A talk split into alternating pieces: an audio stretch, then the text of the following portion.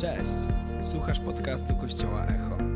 Więcej informacji o tym, kim jesteśmy, znajdziesz na stronie echokościół.pl. Mamy nadzieję, że zostaniesz zainspirowany.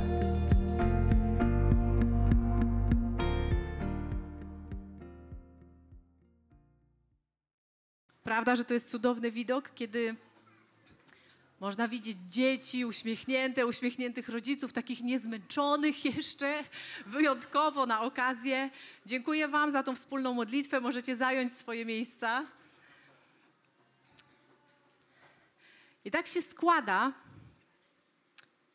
domyślacie się, że to nie przypadek, że jesteśmy w serii kazań na temat pokoleń.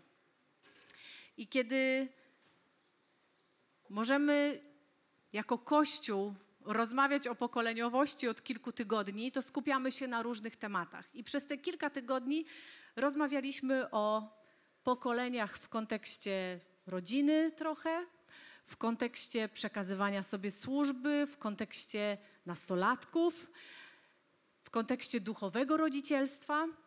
I dzisiaj będziemy kontynuować ten temat w kolejnej odsłonie, i dzisiaj trochę bardziej o sercu matki. Sama jestem mamą dwóch dorastających chłopaków. E, I rodzice wiedzą, ile to jest wyzwania i ile radości. Że czasami trudno to położyć na wadze, żeby się nie sfrustrować, ale bywają takie piękne momenty w życiu rodzica, za które jest w stanie oddać cały ten trud, całe to poświęcenie. E, I niedawno miałam taką sytuację z moim młodszym synem dowiedział się, że wyjeżdżamy y, z moim mężem i że zostanie z dziadkami. Mówi, ale czemu aż na dwa tygodnie? Ja mówię, synku, ale będziesz tu w domu. Dziadkowie przyjadą do ciebie, będą się zajmować tu, żebyś właśnie był u siebie. I on mówi, mamo, ale to ty jesteś moim domem. Bing, bing, bing, bing, bing, bing, bing. Bank miłości po prostu poszybował. Mam teraz kilka milionów na tym koncie, więc jak cokolwiek zrobi, to wiecie, ujdzie mu lekko. Za takie słowa serce mamy się rozpływa. Ty jesteś moim domem, bez ciebie ten dom to nie to samo. Boż, dobrze, że on czasami mówi takie rzeczy, bo inaczej ciężko by było. Ale wiecie, pokoleniowość to jest coś tak wszechobecnego w naturze, w naszym świecie, w naszym życiu. E, jakby bez pokoleniowości nie ma świata. Ani świata ludzi, ani zwierząt, ani roślin.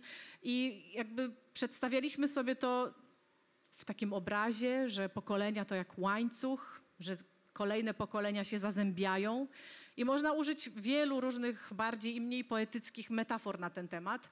E, na przykład, że gdzieś takie opisy piękne czytałam o pokoleniowości, że młode pędy wyrastają na starych konarach, żeby być wyżej, żeby być bliżej słońca, żeby zajść dalej i to jest super obraz. Y, inny, zupełnie w drugą stronę, ale równie piękny i oddający pokoleniowość, to jest to, że nowe słoje w drzewie, w pniu rodzą się w środku nie na zewnątrz, tylko w środku i są chronione, są otoczone korą, wieloma warstwami, żeby temu drzewu nic nie zagrażało, żeby one mogły się rozrastać i rozrastać. I drzewo rośnie od środka. Yy, więc takie różne piękne rzeczy wynalazłam na ten temat. Yy, I tak samo jest z nami, że my ciągle zataczamy koła jako pokolenia. Rodzimy się, dorastamy, rozmnażamy, odchodzimy. I tak sobie miałam taką refleksję, że w życiu mojej rodziny też to koło się zatoczyło tak po prostu aż niezwykle, bo kiedy dwa i pół roku temu żegnaliśmy moją mamę z tego świata, to okazało się, że moja siostra jest w ciąży. I mama jeszcze zdążyła się o tym dowiedzieć, a 10 miesięcy później znowu było nas tyle samo. E, więc to było takie znamienne dla naszej rodziny, że Jedni odchodzą, ale inni przychodzą i znowu jesteśmy razem i historia może się dziać i nie mieć końca, dopóki, dopóki my żyjemy. Że tak sobie patriotycznie pozwolę. Będzie dzisiaj trochę o byciu mamą, tak biologicznie, ale też o byciu duchową mamą. I panowie, nie musicie wychodzić. To jest też do Was, bo na różnych etapach życia trochę różne role pełnimy. I czasami jak mamy nie ma w domu, to tata musi zrobić kolację, chociaż nie umie gotować. E, I czasami musi spełnić rolę mamy dla swoich dzieci wtedy, kiedy ona jest nieobecna. Tak samo mama czasami musi wykonać taką ojcowską część w swoim domu. I jakby ten podział ról jest bardzo płynny dzisiaj. Ale chcę mówić o sercu mamy, nie o jej obowiązkach, rozdziale i tak dalej, kto czym się zajmuje. I nie trzeba wcale naukowych dowodów, ani żadnych rozpraw, ani teologicznych, ani wielkomyślicielskich, że mama jest najważniejsza. Umówmy się na początek, mama daje życie, mama karmi, mama otacza ochroną, opieką, ona czuje. Jak ma.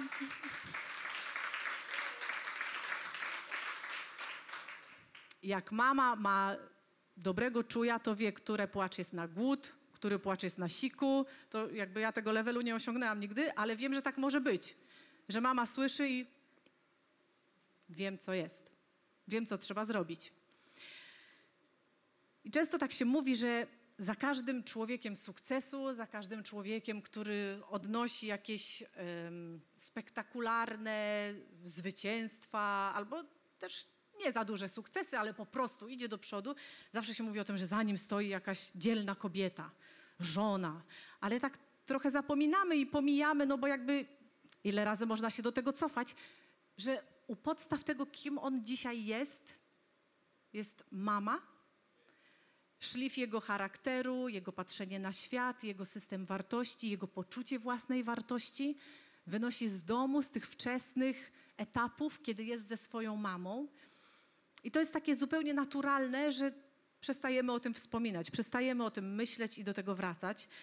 No i dobrze, no jakby takie jest życie, bo w pewnym momencie mama zostaje trochę zdetronizowana, jej autorytet zajmują inne autorytety, e, jej rola się zupełnie zmienia, może być po jakimś czasie, po kilkunastu latach tylko obserwatorem, kibicem, może wspierać i z tego etapu, że milion razy pada słowo mama w ciągu dnia i mamo to, mamo tamto, mamo, mamo, mamo, nagle jest dobra, weź, ty się nie znasz, ty nie wiesz o co chodzi. I ostatnio mieliśmy taką sytuację z naszym starszym synem. Byliśmy sobie na plaży i dzieci skaczą z pomostu i mówię, dobra, to ja idę z wami, też będę skakać. I on tak, ty? Myślę, o teraz to ci pokażę, nie? Nie znasz jeszcze mamusi. No i skoczyłam raz, drugi, żeby miał pewność, że umiem, trzeci, czwarty i mówię, i co? On, no jak na mamę może być, jak na mamę nieźle. Sobie myślę o ludzie. Właśnie zostałam już zdetronizowana w kolejnym obszarze naszego życia. Ja już się nie znam, już nie umiem, już, już kto inny jest ważniejszy często niż mama.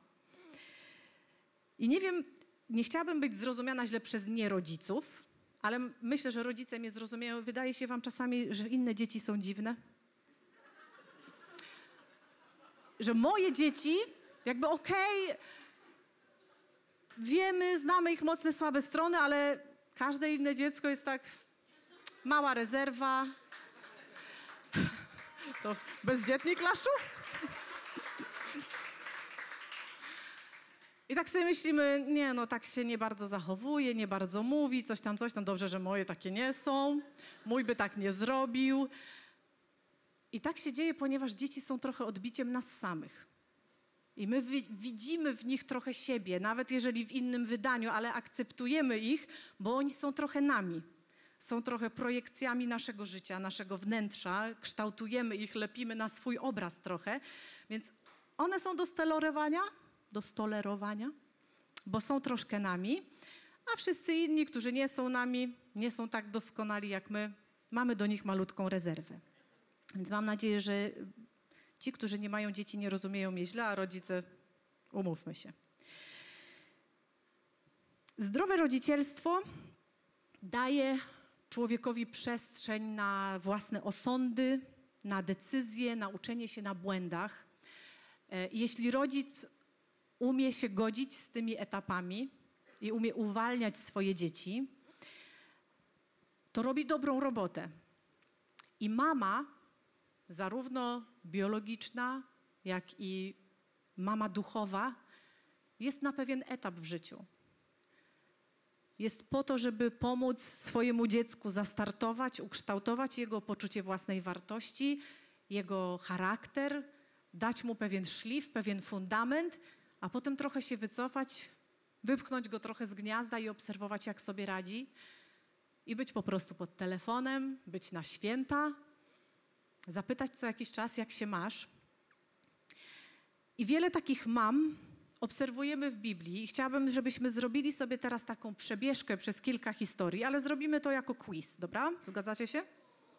Uu.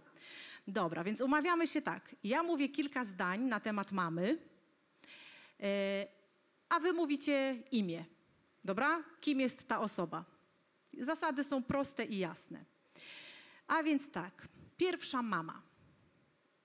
Mama, której życie zaserwowało totalny roller coaster emocjonalny. W swoim rodzicielstwie musiała podążać za wskazówkami samych aniołów. Historia jej dziecka już od poczęcia jest niewiarygodna. Maria! Ping! Nie wiem, wszyscy powiedzieli, że Maria, bo to jest oczywiste. Ale czy może być coś trudniejszego dla mamy niż obserwowanie, jak twój syn Twój syn dorasta, staje się bohaterem, bohaterem narodowym, kimś, kto zmienia historię, a potem ginie w pohańbieniu. Serce mamy, nawet ciężko mi to sobie wyobrazić. Co przeżywa kobieta, której własne dziecko zostaje potraktowane w niesprawiedliwy sposób i to na taką skalę. Maria nie miała zbyt dużego wpływu na dorosłe życie swojego syna. Y, od samego początku zresztą też wiedziała, że jest nad nim coś szczególnego, szczególne namaszczenie.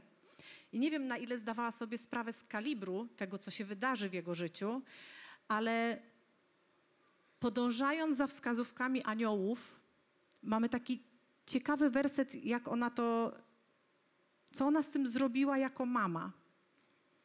W Ewangelii Łukasza, drugi rozdział, 19 werset, jest napisane: Maria natomiast zachowywała wszystkie te słowa w pamięci i w myślach łączyła je w całość. Wszystkie te słowa od aniołów, którzy mówili jej, co robić dalej. Słowa od Jezusa, który mówił, co się dzieje, tłumaczył jej. I daje mi to taką obserwację, jak być mamą, jak wyciągać wnioski z tych historii, że ona przyglądała się bardzo uważnie własnemu dziecku, analizowała, co się dzieje, akceptowała to, kim on jest, chociaż wykraczało to poza jej pojęcie tego, jak wychować dziecko. I czasami nam, mamom,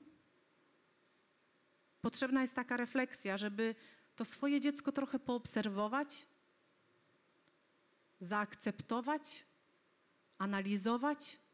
My nie wiemy do końca, kim będą nasze dzieci. I zawsze rozumcie to podwójnie, dobra? Nasze dzieci i dzieci duchowe. Dobra, druga runda. Z Marii zdaliście egzamin. Teraz będzie trudno i dla kogoś, kto zgadnie, mam cukiereczka. Jak miała na imię kobieta, która nie pozwoliła, by jej syn zginął jeszcze zanim nauczy się chodzić? Obmyśliła plan ratowania swojego dziecka przed wyrokiem.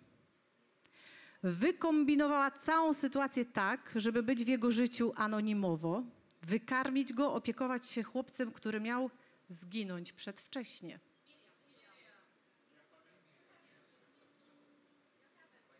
Dobrze.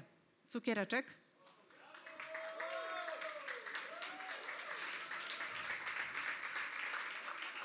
Biblistka. Miriam była siostrą Mojżesza, bo o nim jest mowa w tej historii. A, i Miriam rozmawiała z córką faraona, która znalazła Mojżesza, ale niezwykłą, niezwykle odważną rolę odegrała Jokebet, która po urodzeniu Mojżesza wiedziała, że musi chronić jego życie, bo zapadł wyrok ze strony faraona, że wszyscy chłopcy izraelscy muszą zginąć. Wszystkie nowonarodzone dzieci mają już przy porodzie, wszyscy chłopcy mają ginąć. I ona wiedziała, że musi, po prostu wiedziała, że musi to zrobić. Poświęcić się, zdobyć na odwagę, wystąpić przeciwko temu rozporządzeniu.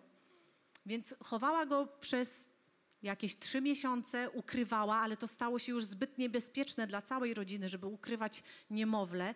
Więc y, postanowiła zrobić dla niego kosz, wypuścić go na wody Nilu z nadzieją, że znajdzie go egipska kobieta, która go przygarnie. Tak też się stało i była to cała, sama córka faraona, więc to po świecku nazwalibyśmy to chichotem losu. po chrześcijańsku Bożą ochroną nad tym dzieckiem, ale pod okiem faraona dorasta izraelski chłopiec, który będzie miał potężne znaczenie dla tego narodu, wbrew nakazowi faraona, który mówi, że on powinien nie żyć. A więc poświęcenie i ryzyko tej kobiety, żeby tak to wszystko rozegrać, żeby jednak jeszcze matka, która go urodziła, potem go wykarmiła i oddała córce faraona dopiero jak już był trochę starszy. Poświęcenie i ryzyko to są dla mnie takie rzeczy, które widzę, które zrobiła ta kobieta dla swojego dziecka. Lecimy dalej. Kolejna mama. Jesteście gotowi na kolejną rundę? Wzięła sprawy w swoje ręce. Po tym, jak mąż nie dał jej dziecka i przedwcześnie zmarł, wychodzi za jego brata, jak nakazuje tradycja. Sprawy się komplikują nieco. On też umiera przedwcześnie, ale najpierw robi wszystko, żeby nie dać jej dziecka, bo wie, że to dziecko byłoby poczytane na,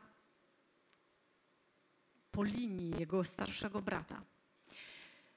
Aby nie zostać bezdzietną wdową, kobieta, o której mówię, rozgrywa, posuwa się do takiej szemranej zagrywki, byśmy powiedzieli, i udając prostytutkę, zachodzi w ciążę z własnym teściem.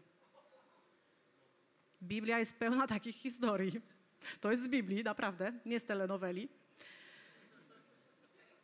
Zachodzi w ciążę i rodzi chłopca, który zapewnia jej pozycję w rodzinie, w społeczeństwie.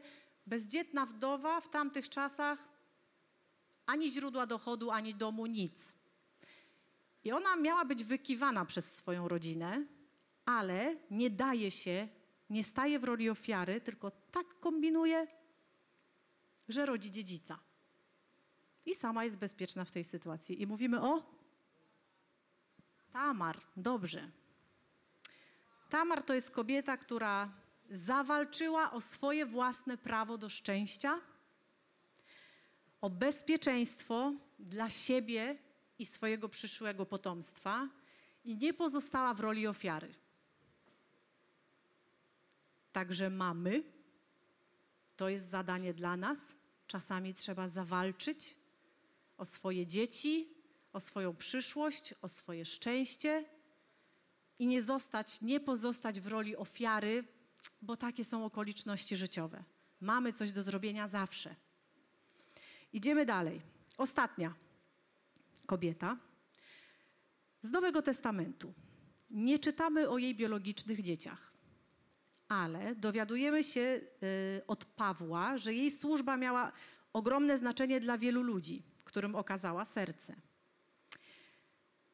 Jest opisana w liście do Rzymian i przeczytam wam werset, żeby wam ułatwić, pomijając imię. Polecam wam naszą siostrę, która jest opiekunką w kościele w Kenchrach. Przyjmijcie ją w Panu w sposób godny świętych. Wspomóżcie ją też, jeśli by czegoś od was potrzebowała, bo i ona była wsparciem dla wielu. Również i dla mnie samego. I mówimy o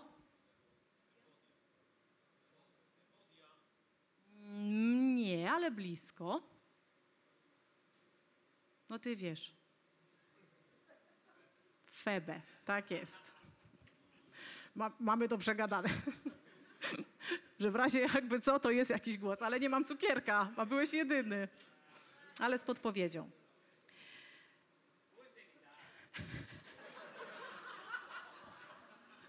Cukierka. Czytamy tutaj o kobiecie, która ma ogromną pojemność serca i staje się matką dla wielu, opiekunką dla wielu. E, I to, co z każdej z tych historii możemy wyciągnąć na temat bycia mamą, to są lekcje, które musimy zapamiętywać. I mamy, i taty to są ważne rzeczy. I Biblia przedstawia wiele historii kobiet uwikłanych w swoje czasy, w niuanse kulturowe, e, w jakieś rodzinne intrygi. I jest tam radość z narodzin, jest porażka nieudanego rodzicielstwa, jest, są kryzysy, są meandry różnych dziwnych historii zawiłości. Bo życie jest trudne i niesie ze sobą wiele wyzwań, zarówno w rodzicielstwie codziennym naszym, opiekując się naszymi potomkami, jak i w rodzicielstwie duchowym. I myślę, że w tym kościele dokładnie rozumiemy, że w duchowym rodzicielstwie nie chodzi o zakazy, nakazy, przestrzeganie prawa, napominanie i napominanie i bycie stróżem i obserwowanie ludzi, kto robi dobrze, a kto robi źle i wytykanie ich palcami. Jesteśmy społecznością, która ma zupełnie inny charakter. I wiemy intuicyjnie i z serca, że w rodzicielstwie chodzi o to, żeby kochać, żeby dawać przestrzeń do rozwoju, żeby być wsparciem. I wiem, że jesteśmy taką społecznością, bo często widzę Was w różnych sytuacjach, na spotkaniach. Uwielbiam przeglądać na Instagramie weekendowe zdjęcia, gdzie się spotykacie, urodziny, imprezy, parki, wyjazdy i tak. I to jest, to jest piękne widzieć, że ten kościół jest pełen takich relacji. I one są możliwe wtedy, kiedy patrzymy sercem. Kiedy umiemy spojrzeć ponad swoimi błędami, poza, ponad tym, że coś się zadziało, ponad tym, że może się nie dogadaliśmy, ale dzięki temu, że łączy nas coś więcej, że jesteśmy rodziną, a nie przypadkową grupą znajomych, to daje nam taki kredyt zaufania do siebie nawzajem i sprawia, że nie musimy się obrażać. No nie możemy się obrażać, mamy taki zakaz tutaj. E, I kochanie siebie nawzajem i bycie dla siebie jest tym, po co jest ta społeczność. I swoje dzieci biologiczne po prostu masz, ale żeby stać się duchowym rodzicem, musisz być trochę wybrany, trochę wybrana. I to jest niezwykła rola. I ktoś musi ci dać kredyt zaufania i pełnomocnictwo, żebyś mógł troszeczkę zaglądać do jego życia, żeby móc zadać czasami trudne pytania. I my z moim mężem, jako duchowi rodzice, często zastanawiamy się, bo jakby dopóki jest dobrze, to jest dobrze. Nie? Kochamy się, lubimy, umawiamy się, spotykamy, pijemy razem kawkę, ale jak zaczyna być trudno, jak pojawiają się trudne tematy, trudne decyzje, potknięcia, błędy, kiedy widzimy, że czyjaś decyzja w perspektywie czasu przyniesie kwaśne owoce do jego życia, to dokąd sięga nasze prawo mówienia, zaglądania do czyjegoś życia. I nie raz i nie dwa się nad tym zastanawiamy, widząc życie ludzi, którzy są dookoła nas. I te wyzwania duchowych rodziców o tym, jak być pomocą, ale nie przekraczać pewnych granic, dotyczą nas wszystkich. Nawet jeżeli chodzi o Twoich najbliższych przyjaciół, czasami możesz obserwować ich życie i myśleć sobie: ups, to chyba nie idzie w dobrą stronę. Ta decyzja pociąga za sobą jakieś konsekwencje, które mogą być zgubne dla tego człowieka, dla tej rodziny. I Instagram często mówi nam w ostatnich czasach, czego nie wolno mówić, o co nie wolno zapytać, i absolutnie jestem za taktem w rozmowach. Ale myślę, że istnieje takie niebezpieczeństwo, że zakneblujemy się tym taktem. Bo jeżeli mi nie wolno zapytać, a tobie głupio poruszyć taki temat, to możemy w takiej otoczce picia wspólnej kawki i bycia razem z uśmiechniętą buzią gdzieś zgubić to prawo do mówienia do siebie nawzajem. I ono musi być opatulone miłością. Ono musi być, ono musi wynikać z miłości, a nie z wytykania błędów. Ale po to dzisiaj rozmawiamy o tym, żeby uczulić nas wszystkich na to, żeby dawać ludziom prawo do tego, żeby powiedzieli mi coś niewygodnego. To jest ważne, żebyśmy w tej społeczności, w życiu, mieli ludzi, którym powiemy tak absolutnie intencjonalnie, nie, nie zostawiając tego domysłom, powiedzieć: Ufam ci, widzę, jak żyjesz, podoba mi się to, co robisz, chcę być jak ty, chcę tą część mojego życia poprowadzić jak ty, pomóż mi. Zobacz, jak ja żyję, powiedz mi, co może warto zmienić. Powiedz mi coś mądrego. Powiedz mi, jak ty to robisz. Kiedy odpoczywasz, a kiedy, a kiedy zamawiasz dietę pudełkową, bo nie masz czasu gotować. Dajmy ludziom w swoim życiu przestrzeń, którzy będą mogli powiedzieć nam coś i bądźmy blisko. Wspominałam wcześniej o tym, że modelujemy trochę nasze dzieci według siebie. I wiadomo, że każdy z nas w swoim duchowym życiu ma też słabe momenty. I może myślisz sobie, a tak nie mam za bardzo co dać. Moja wiara to jest mała. W sumie to sobie nie radzę. E, nie bardzo umiem rozwiązywać różne trudne momenty w moim życiu. Ale wyobraź sobie rodzica, który też ma słabe momenty w swoim życiu, który płacze ze zmęczenia, który jest sfrustrowany, który zajada słodycze, kiedy dzieci idą spać, a rano mówi, że nie, te papierki to pojawiły się, nie wiem, Mikołaj zostawił. Ale w ciągu dnia ten sam rodzic, który wieczorem z frustracją wcina batona, rano jest oparciem dla swoich dzieci. I my, jako duchowi rodzice, nawet jeżeli mamy słabe momenty, to możemy dać coś dobrego za dnia. To możemy wejść w tą rolę i zawsze będziemy ciut przed kimś. Zawsze będziemy ciut starsi od kogoś. I jeżeli każdy myśli sobie, że ja nie mam tyle wiary, żeby rozpędzić czyjeś chmury, nie mam tyle wiary, żeby komuś pokazać jakiś plus w tej sytuacji, e, sama mam kryzysy u mnie samej słabo z wiarą, to albo będziemy praktykować tyle, ile mamy, licząc na wzrost, albo wymrzemy jako duchowe sieroty, bez prawdziwych przyjaźni i bez głębokich relacji. Nikt z nas nie chce być pozostawiony bez opieki. Każdy z nas chce mieć jakąś instancję. Kogoś, do kogo może podbić w trudnym momencie, zadzwonić, odezwać się. Jeśli my w swoich małych światach, w swoich własnych niedostatkach i niedociągnięciach nie będziemy otwarci na to, że wiesz co, mało mam, ale kawę mam. Mleko się skończyło, ale kawę mam, chodź wpadnij, pogadamy. Może uda nam się trochę rozwiać te chmury, może uda nam się wyciągnąć jakieś dobre wnioski.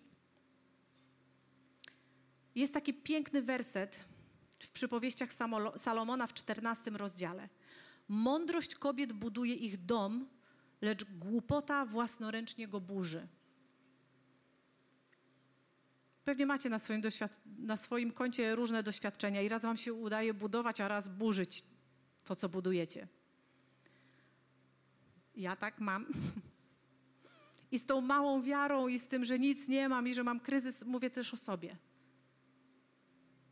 Ale kiedy nie koncentruję się na tym, czego nie mam, tylko sobie myślę, ej, dobra, to co mam, spróbujmy to pomnożyć. Spróbujmy to przeskoczyć, przejść nad tym.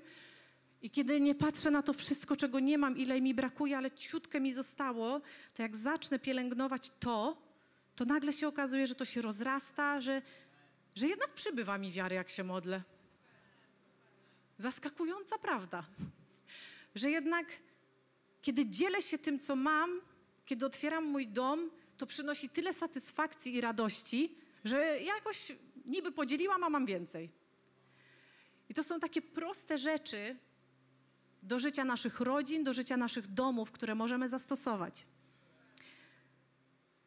Chciałabym przywołać jeszcze jedną postać z Biblii, Tymoteusza. W drugim liście do Tymoteusza, pierwszy rozdział, piąty werset jest napisane, są napisane takie słowa. Wciąż pamiętam Twą nieobłudną wiarę. W angielskim przekładzie jest szczerą. Więc wciąż pamiętam Twą nieobłudną wiarę, mówi Paweł do Tymoteusza. Zadomowiła się ona najpierw w Twojej babce Lois oraz w Twojej matce Eunice, a jestem pewien, że również w Tobie. Innymi słowy, bo to jest takie trochę zawiłe zdanie, widzę Twoją wiarę i wierzę, że jest w Tobie zadomowiona z pokolenia w pokolenie. Dlaczego po Tymoteuszu było widać wiarę? Czy on był, unosił się na chmurze, miał aureole, przemawiał tylko wersetami? No nie, wiara wyraża się w praktyce. Wiara jest, nie jest czymś ukrytym, mistyczną siłą woli, tylko wyraża się w działaniu. Czy ja podzielę się swoim domem, czy nie? Czy zapłacę podatki, czy nie? Czy oddam dziesięcinę, czy nie? Czy się modlę o moje dzieci, kiedy są chore, czy nie? Czy się staram w pracy, czy nie? Czy zachowam urazę, czy nie? Czy powiem, co widziałam, czy zachowam dyskrecję?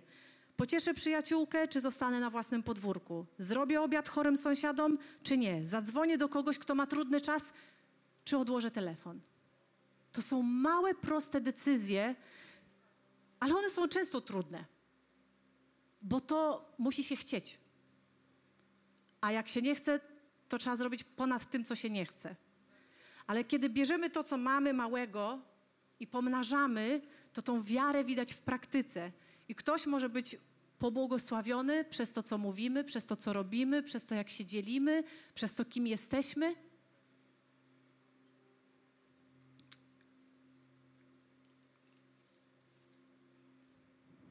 Przedostatni werset, dobra?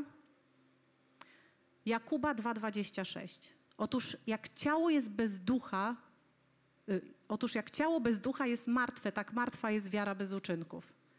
To jest z Biblii, nie wymyślam, na prawdziwo.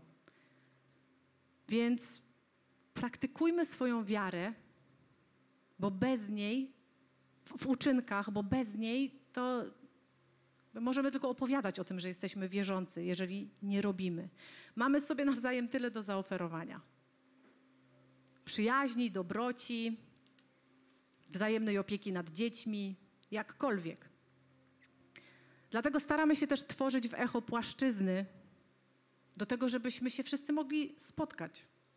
Żeby nie zostać w swoim kręgu znajomych, bo my się znamy, my się czujemy bezpiecznie i już tak będziemy tutaj stać.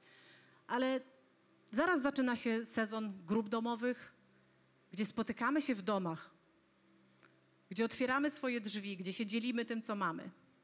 E, tworzymy różne ścieżki rozwoju dla liderów, dla ludzi różne tematyczne, po to, żebyśmy każdy tam mógł coś powiedzieć, ktoś to usłyszy i myśli sobie, idziemy razem na kawę, idziemy razem na obiad, chcę z tobą pogadać, interesujesz mnie, jesteś ciekawym człowiekiem. Ale musimy być na to otwarci. Dać zajrzeć w swoje serce. Dlatego też niedługo organizujemy konferencję Ladies. To będzie dobre. I to jest akurat to będzie tylko dla facetów, dla kobiet. O!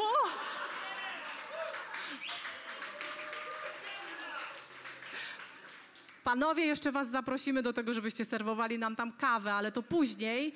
I dzisiaj jeszcze będzie kilka słów na temat tego spotkania. Ale po to to jest. Po to budujemy relacje, żeby być dla siebie duchowymi rodzicami, duchowymi przyjaciółmi i to nie tylko chodzi o kobiety. Ostatni werset. Hebrajczyków 3:13. Dlatego zachęcajcie się nawzajem każdego dnia, dopóki trwa to, co się nazywa dzisiaj, aby przez zwodniczość grzechu żaden z was nie uległ znieczuleniu. Tyle mamy sobie do zaoferowania.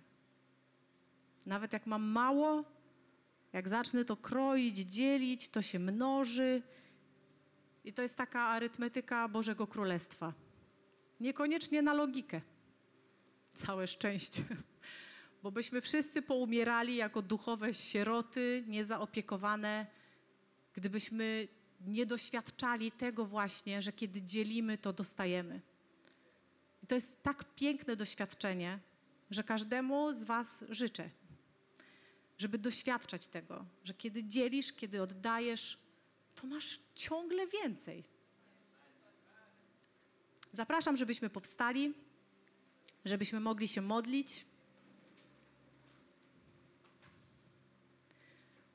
Boże, Ty widzisz te pokolenia. Widzisz nas w naszym miejscu historii, kiedy próbujemy odnaleźć swoje powołanie, kiedy próbujemy odnaleźć swoje miejsce, kiedy próbujemy rozwikłać, po co jesteśmy na tej ziemi. Boże, modlę się o każdą rodzinę na tym miejscu.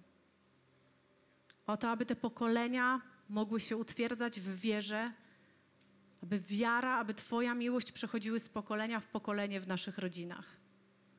Abyśmy mogli tworzyć zdrowe domy, rozwijać zdrowe kolejne pokolenie. Modlę się o to, żebyś dodawał nam mądrości do bycia duchowymi rodzicami, którzy umieją patrzeć miłością, którzy umieją patrzeć sercem, dostrzegać w ludziach to, czego oni sami w sobie nie widzą. Ucz nas tej sztuki miłości, relacji, która będzie wspierać, która będzie wynosić ludzi, która będzie dawać im wiatr w żagle. Modlę się, aby ten kościół, ta społeczność dzięki tej właśnie miłości mogła wychodzić poza swoje ramy. Aby mogła być domem dla wielu tych, którzy tej miłości i akceptacji dzisiaj potrzebują.